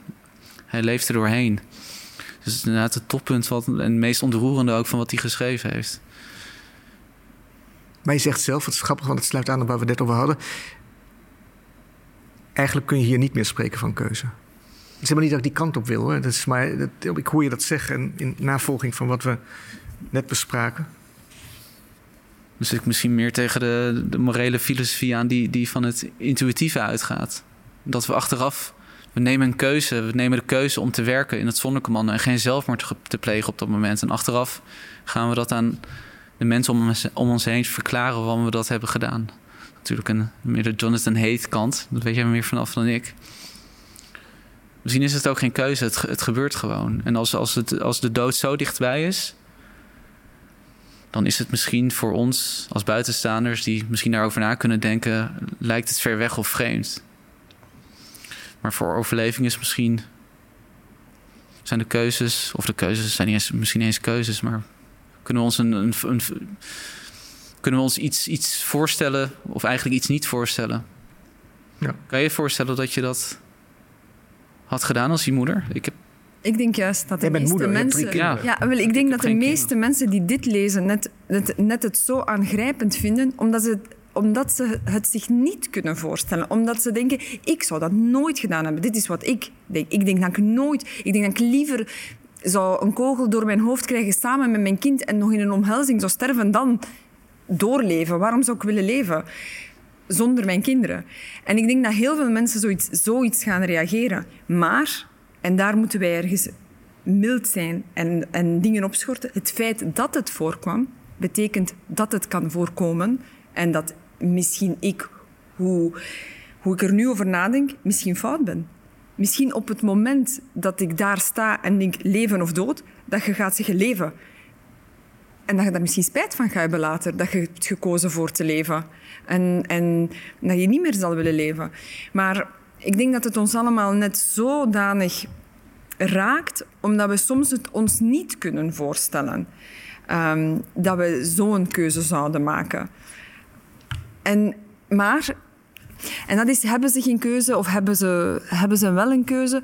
Dat is ook terug zo moeilijk om, om, om daar één koepelantwoord op te geven. Want de ene situatie was de andere niet. En daarom vind ik het al belangrijk om een onderscheid te maken tussen mannen die aankwamen, gekozen werden, eigenlijk nog half wisten waar ze waren aangekomen, nog niet wisten wat de structuren in een kamp waren, al moesten meewerken en op het einde nog werden neergeknald. Uh, dat bestond ook. Of tussen mannen die twee jaar in het kamp meedraaiden, vrienden hadden. Dat is een totaal ander soort relatie. Uh, en en daarom denk ik dat we niet moeten zo proberen antwoorden te vinden van dit is goed, dit is kwaad, dit gaan we veroordelen, dit gaan we niet veroordelen. Maar dat doen we toch ook niet? Nee, nee, maar, maar uh, ik zeg niet dat wij dit nu per se vandaag willen doen, maar ik denk dat wij gewoon, het belangrijkste is om erover te praten. En het feit dat zo'n passage ons ongemak verschaft op een, uh, terug een, een, veel te soft woord, vind ik, um, om deze situatie te beschrijven, zegt ook iets over ons. En het, het feit als wij daarover oordelen, dat we zeggen van dit vinden wij heel erg als zoiets gebeurt, betekent nog niet dat we die vrouw gaan direct veroordelen in de zin van, van dat ze een duivel is. Uh, misschien waren wij daartoe ook in staat. En daarom vind ik het wel altijd belangrijk om terug te gaan naar het verleden en te kijken hoe mensen onder extreme situaties met elkaar omgaan. Wat rest er ons nog van moraliteit, van goedheid? In hoeverre gaan we ons eigen leven en zelfbehoud um, laten primeren op andere zaken? En dat zelfbehoud is niemand vreemd. Vandaag de dag doen wij ook aan zelfbehoud. Iedereen. Daar komt het in extremis um, um, zeer sterk op de voorgrond. Is dit dat het zoveel indruk op ons maakt? Is dat niet ook een te danken aan het grote literaire talent van Borowski? Dit is toch ook esthetisch gezien, als ik dat zo mag zeggen, een ongelooflijk knap fragment. Het is een fantastische schrijver. Om hem te eren wil ik nog één stukje voorlezen om Borowski te eren. En dan gaan we naar een fragment toe wat ik wil laten zien. Uit hetzelfde verhaal. Eigenlijk hetzelfde moment. Anderen dragen een meisje dat een been mist. Ze houden haar vast bij de armen en het ene overgebleven been. De tranen stromen over haar gezicht. Zij fluistert klagelijk: Heren, dat doet pijn. Zij gooien haar de auto in, tussen de lijken. Tegelijk daarmee zal zij levend worden verbrand. Het wordt een koele avond vol sterren. We liggen op de rails. Het is ademloos stil.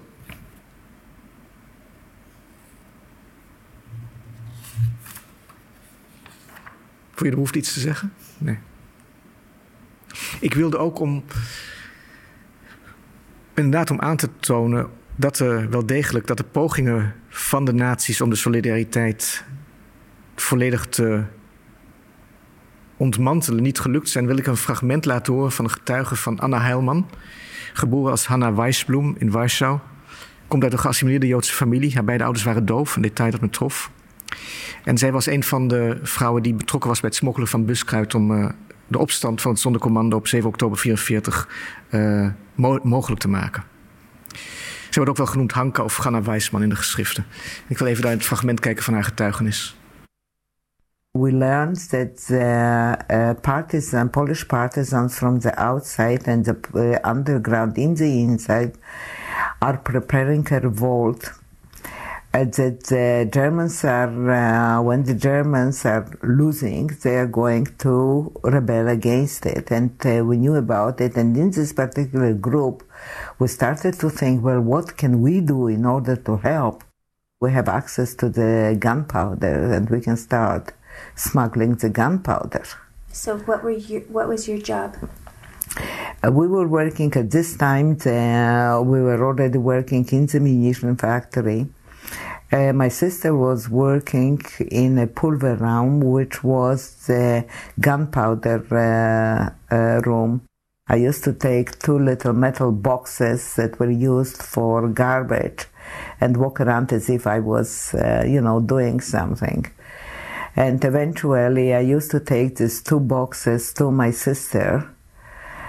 Uh, she used to put uh, a little bit uh, of uh, gunpowder wrapped up in a little rag tied with a string into a box and I put garbage on the top box and I was walking with these two boxes from my place to her door and from her door back into my place and put it under the table and put it inside the um, cuff of my uh, dress because we didn't have pockets. It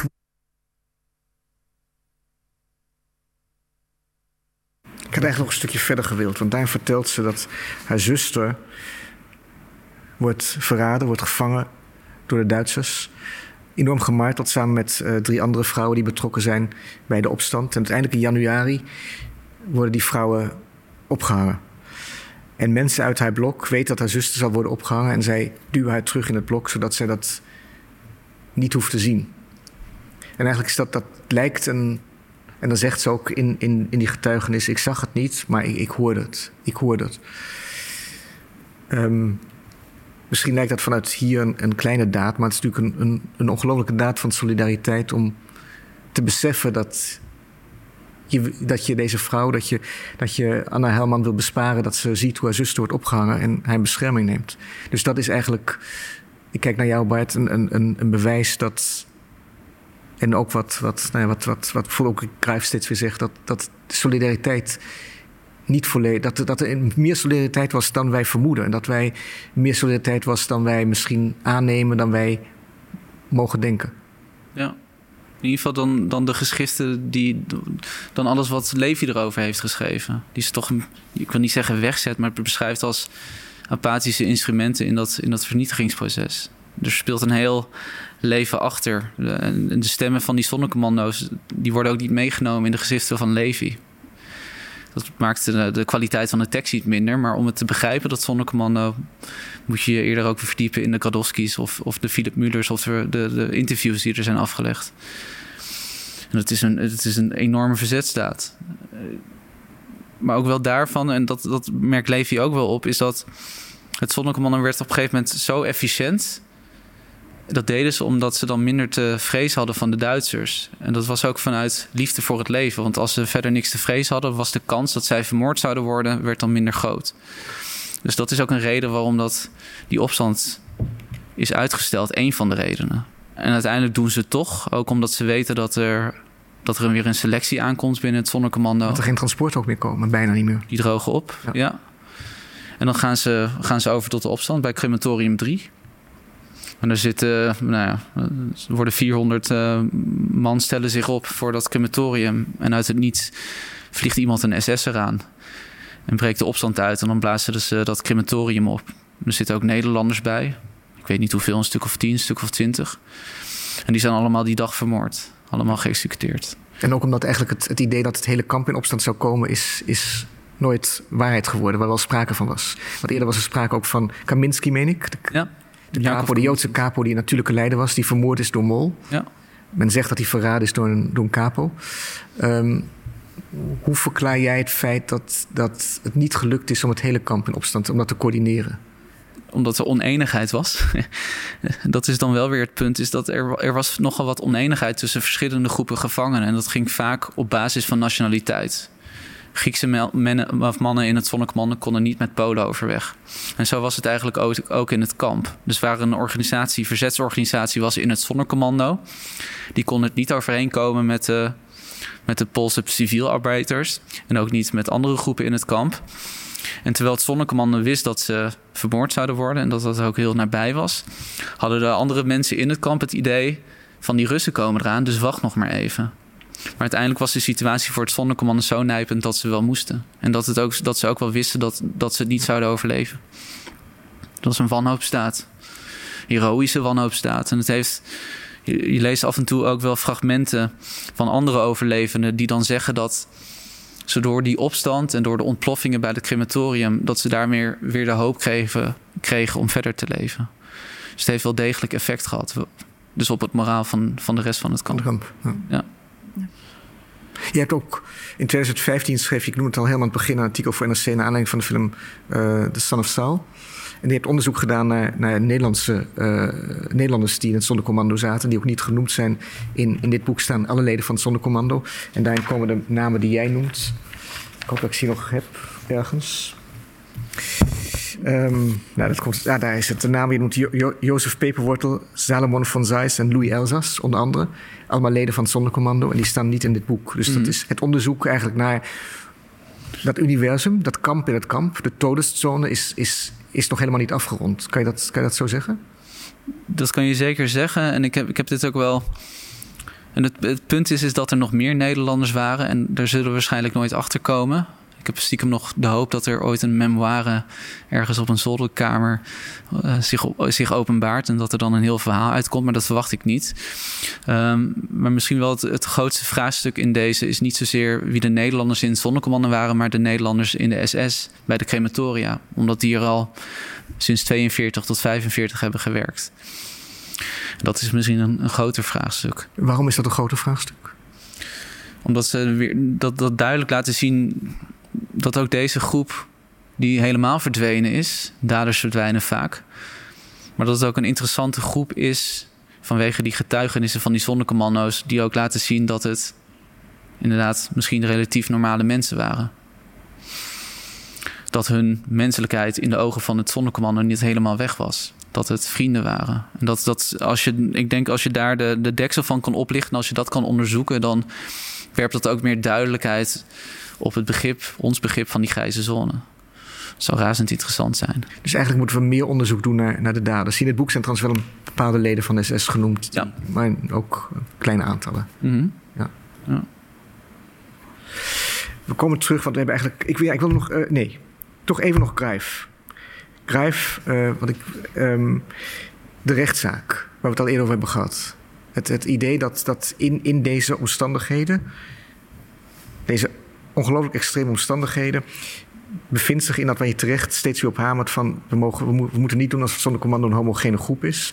Maar toch is daar. Grijf, de Israëlische historicus uit 51, schrijft in een paper gepubliceerd in het Journal of Holocaust Research. dat je ons toestuurde. schrijft hij eigenlijk over het meisje van 16. Het jonge meisje dat, dat, dat al even genoemd is. dat seks wil hebben voor ze doodgaat. En dat de, het zondercommando daar een soort van rechtszaak over voert. Of een, een, tot een moreel oordeel komt of het, of het mag of niet. Ik kijk je aan, eigenlijk, mijn vraag is alleen: kan je dat. Zou je dat van commentaar kunnen voorzien? Het feit dat ze nog samenkwamen om een moreel oordeel te vellen. Om een, om een oordeel te vellen, laten we het om een oordeel te vellen. Ja, ik denk, ik denk dat... Hoe, hoe werkt dat? Hoe, hoe, hoe- Ik weet niet precies hoe het heeft, eh, eh, wat ze allemaal hebben besproken of zo. Maar het feit dat mensen over andere mensen eh, en hun situatie nadenken en een oordeel vellen en zich empathisch opstellen, want dat is een soort empathie dat ze getoond. Ze proberen begrip te tonen voor dat meisje. Dus ze denken na van, ja, ze gaat hier dood, wat gaan we doen?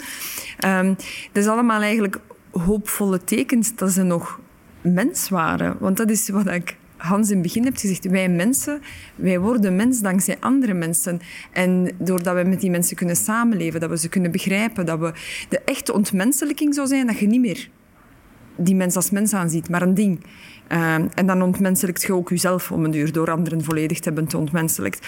Dus het, het is allemaal een hoopvol teken dat ondanks die gruwel, zij nog, en ondanks alles wat ze moesten doen, en misschien was half van hun ziel al dood, was er nog een half deel levend. En waren ze betrokken? Zit er bekommernis in?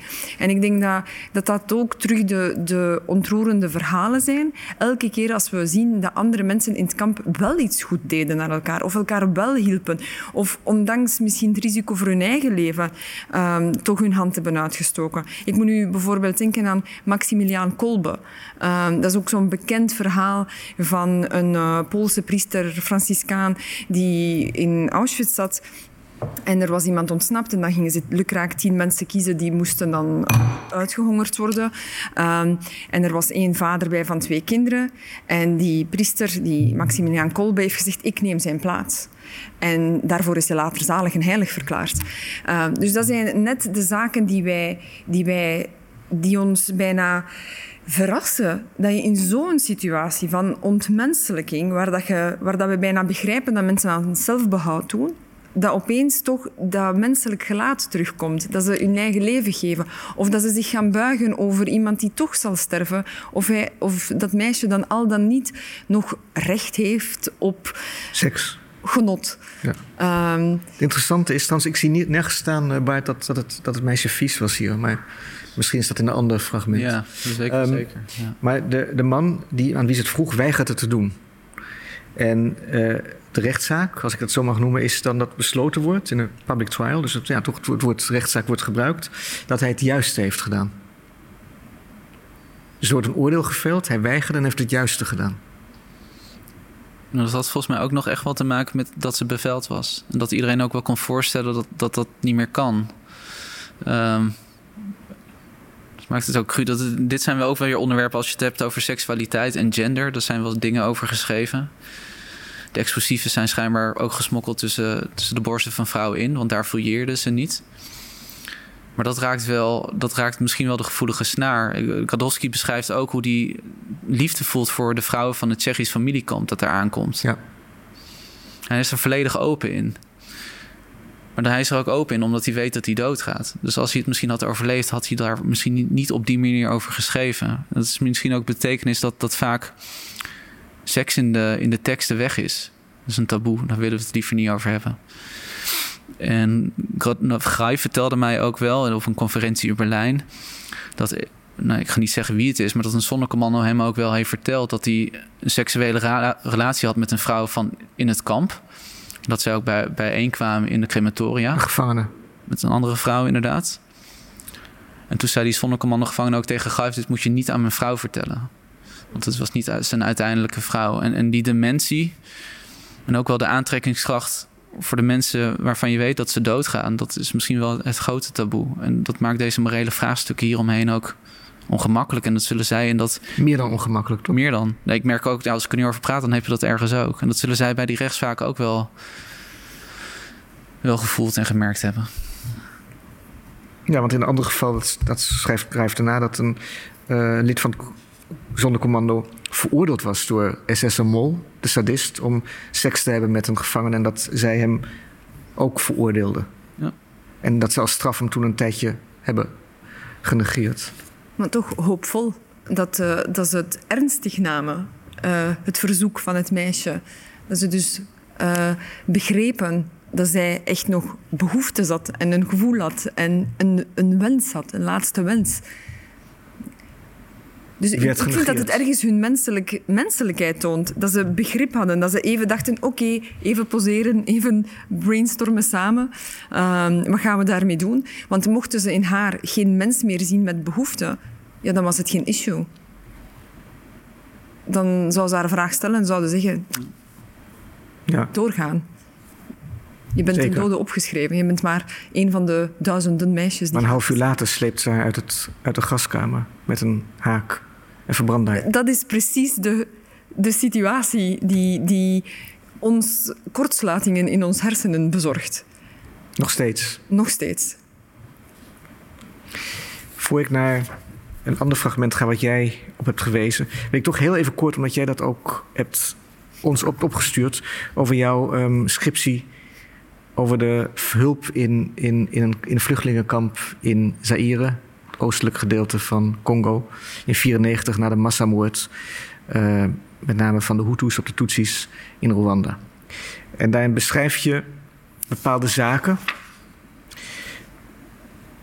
een bepaald proces van ontmenselijking, hoewel het misschien, ik vind het altijd een ongemakkelijk woord, ontmenselijking, maar um, die vaag doet denken aan de kampen, aan de kampen uit aan de natiekampen. Is dat ook de reden dat je, dat je wilde dat wij dit vandaag lazen? Behalve dat jij de auteur bent van, de, van die scriptie, dat je terecht misschien trots erop bent. Maar wat, in hoeverre is, wat is het verband met het zondercommando? Ten eerste waarom ik het opstuurde is dat ik word, word vaak gevraagd om iets over het zondercommando te vertellen. Dus ik heb mijn, mijn lot een beetje aan, aan het zondercommando verbonden misschien. Maar ik heb natuurlijk ook wel dingen daarnaast gedaan. Maar wat het interessant maakt is sowieso dat de, de toestand in die vluchtelingenkampen doet ergens denken aan de bevrijding van Dachau of van een Bergen-Belsen. Zo erg was het daar. En dat er humanitaire hulpverleners uh, die kant op gaan, Nederlandse militairen ook, en die moeten dan hulp gaan verlenen. Maar staan ook in de situatie van machteloosheid. Het zonnecommando deed dat ook. Waar ze dus eigenlijk niks kunnen doen. Een militair beschreef bijvoorbeeld een Nederlander hoe een vrouw voor zijn ogen werd gestenigd. Ja. Maar hij wist dat je dan niks kon doen. Een andere beschreef hoe een vrouw voor zijn ogen verkracht werd. Maar als je ingrijpt als militair, dan weet je zeker dat het je kop gaat kosten. Dus wat ik ook wel interessant vind, of waar ik geïnteresseerd in ben in, in de onderzoeken die ik doe, is ook om die moraliteit mee te nemen. De morele keuzes en de dilemma's. Ik denk dat het, dat is ongeveer het verband. En ook de, de, niet zozeer wat wij erover denken, maar hoe de mensen het zelf hebben beleefd. Je bedoelt de Nederlandse soldaten die daar als, als VN-troepen ja. dienst hebben gedaan? Maar je verwijt je conclusie op het eind is, is politiek gezien tamelijk desastreus. Je verwijt eigenlijk, je zegt de 606 uh, Nederlandse humanitaire ja, krijgers noem je ze in het Engels. Die, die, die, zijn, die zijn eigenlijk door, door ze waren on, onbeschermd tegen, tegen het kwaad waar, waar ze aan, aan bloot zijn hebben gesteld. Dus de, die, in, in, daar, daar suggereer je toch dat een politiek gezien een foute beslissing aan vooraf is gegaan. Ja, uh, of, ik denk dat heel veel mensen dat wel hebben gesuggereerd. Dat, er een, dat de VN-vredesmissies, waar, waaronder die in Rwanda, dat we als westerse landen uit een soort moreel prestige daarheen zijn gegaan met het idee: we gaan mensen helpen, we gaan mensen redden.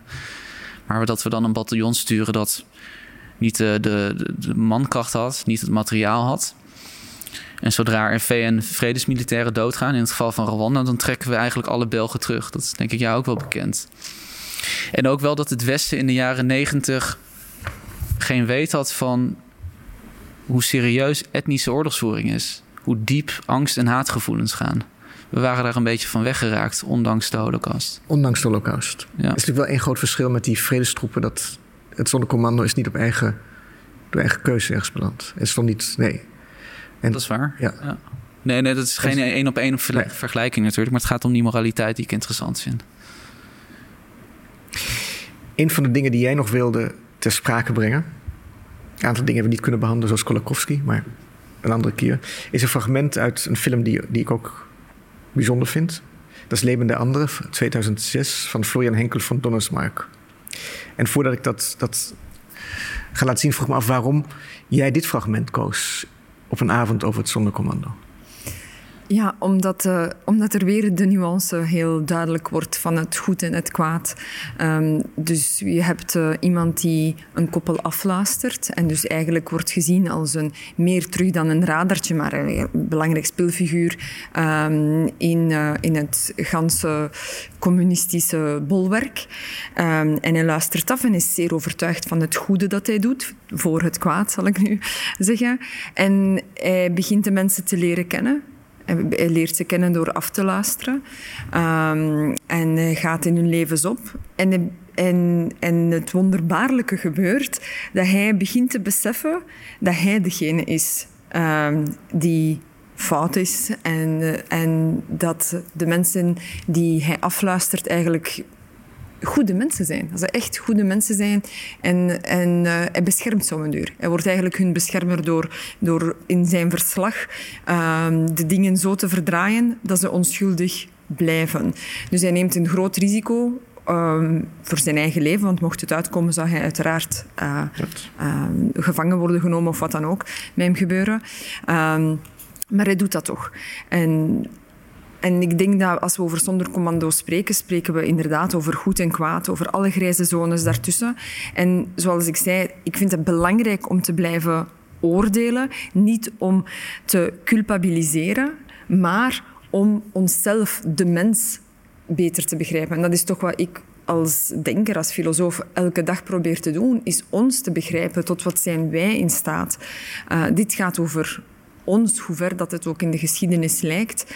En daarom wil ik het ook niet alleen maar houden, die grote vraagstukken, uh, die zich in Auschwitz afspelen, maar dan wil ik het breder trekken naar Hans de geschiedenis, ook naar het communistisch kwaad, waardoor nog meer miljoenen wereldwijd mensen zijn gestorven. Um, en dat fragment, um, of dat fragment dat ik heb opgestuurd, um, was toen, uh, toen de persoon aan het afluisteren was.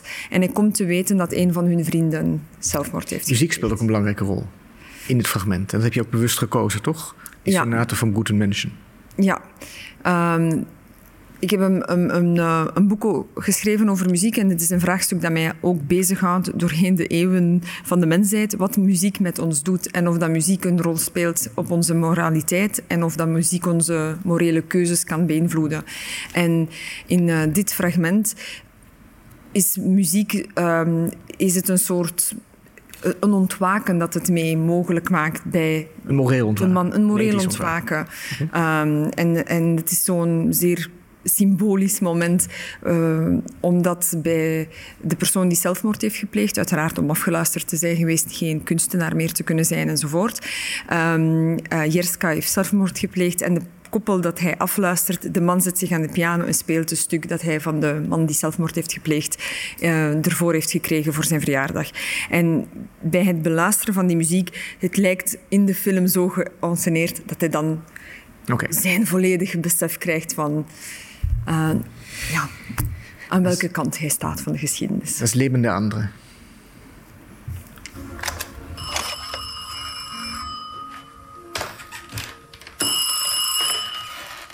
Ja? Georg, hier Werner. Was ist denn? Georg, es geht um Jeska. Er ist tot, er hat sich gesamt, er hängt.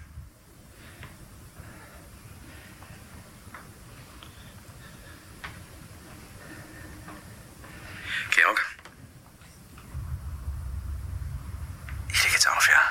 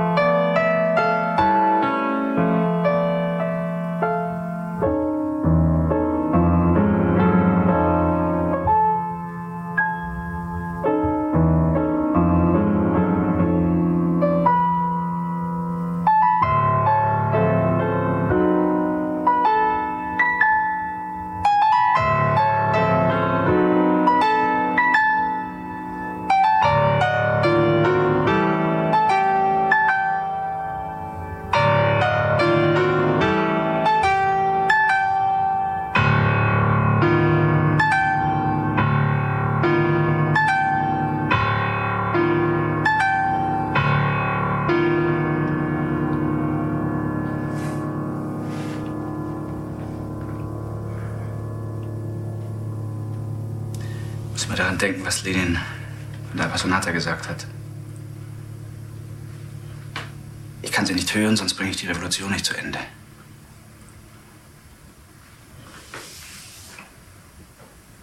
Kann jemand, der diese Musik gehört hat, jemand, der wirklich gehört hat, noch ein schlechter Mensch sein? Je weet ongetwijfeld wat George Steiner schreef in zijn bundel Verval van het Woord. Steiner schreef, dat heeft hij ook een paar keer gezegd, ook bijvoorbeeld in het programma van Wim Keizer in de jaren 80 van de VPRO. We weten nu dat iemand s'avonds Goethe of Rilke kan lezen. Bach en Schubert kan spelen en s'morgens naar zijn dagelijks werk in Auschwitz kan gaan. Het is huichelarij te zeggen dat hij zonder begrip gelezen heeft of dat zijn gehoor is afgestompt. Wie heeft gelijk, jij of Steiner? Um, ik heb uh, Steiner niet echt tegengesproken. Uiteraard, de feiten heeft hij aan zijn kant. Um, en die spreek ik niet tegen. Um, maar hij heeft inderdaad gezegd: humanities don't humanize. Uh, de humane wetenschappen uh, gaan de mens niet, maken de mens niet humaner. Um, ik verwoord het gewoon anders. Ik denk dat de vraag niet moet zijn van ja, de humane wetenschappen of humanities, ze humaniseren ons niet, dus, we, dus Um, ik stel me eerder de vraag, was dat de wereld zonder de humanities zijn? Um, ze hebben misschien, uh, Schubert en de muziek van Schubert heeft misschien de treinen naar Auschwitz niet tegengehouden. Uh, dat klopt. Um, maar heeft ze ook niet sneller doen lopen of zo.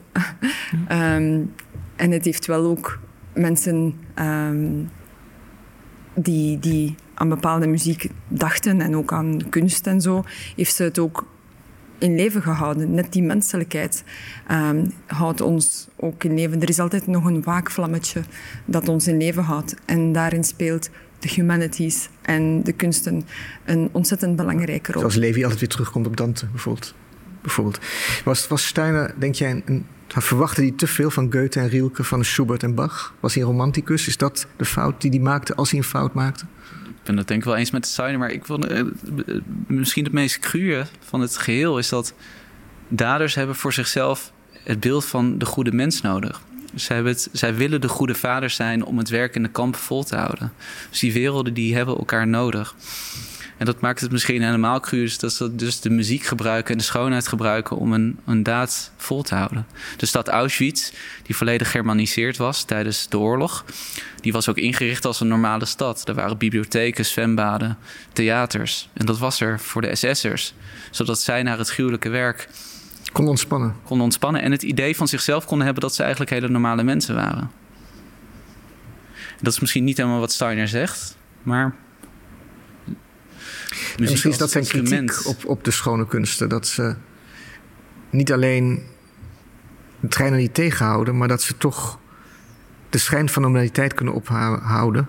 Dat ze mede dank, dat ze eraan bijdragen dat de schijn van normaliteit wordt opgehouden in volstrekt extreme en onmenselijke omstandigheden. Dat ze dankzij de muziek een daden hebben kunnen plegen. Of misschien kan je, Zover zou ik niet willen gaan, maar dat, dat, omdat jij zegt het is zo belangrijk voor de daden om toch een, zich een goed mens te wanen, dat je dat als je s'avonds thuis komt je hebt honderden Joden, gevangenen, Polen, Roma en Sinti vergast die dag, dat je dan Schubert gaat spelen en dat je denkt, toch mooi. iets goed gedaan.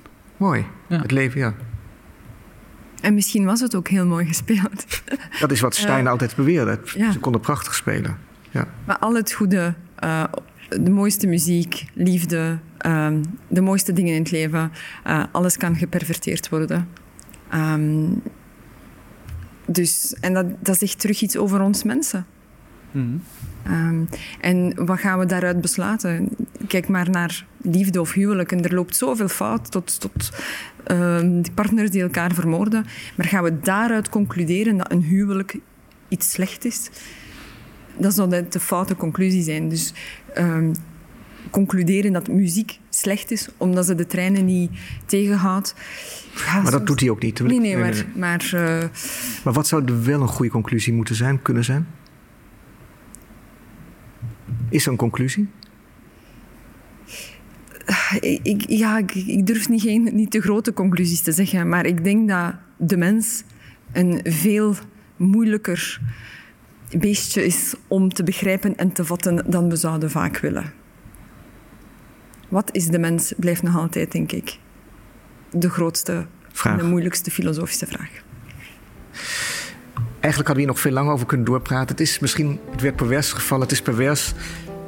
Het is pervers dat we zo lang over het zondercommando kunnen praten. Dat we er misschien zo lang over moeten praten. Dat de conferentie aan zijn gewijd. En toch heb ik zeker na deze avond het gevoel dat we over moeten blijven praten. Dank jullie wel. Prettige avond. Bedankt voor het luisteren naar Arnon Grunberg ontmoet vanuit de Bali. Wil je nou een keer zelf bij zijn bij zo'n gesprek van Arnon Grunberg? Schrijf je dan vooral in voor onze nieuwsbrief of volg ons op de socials, zodat je als eerste hoort wanneer het weer zover is. Arnon, dankjewel en tot de volgende.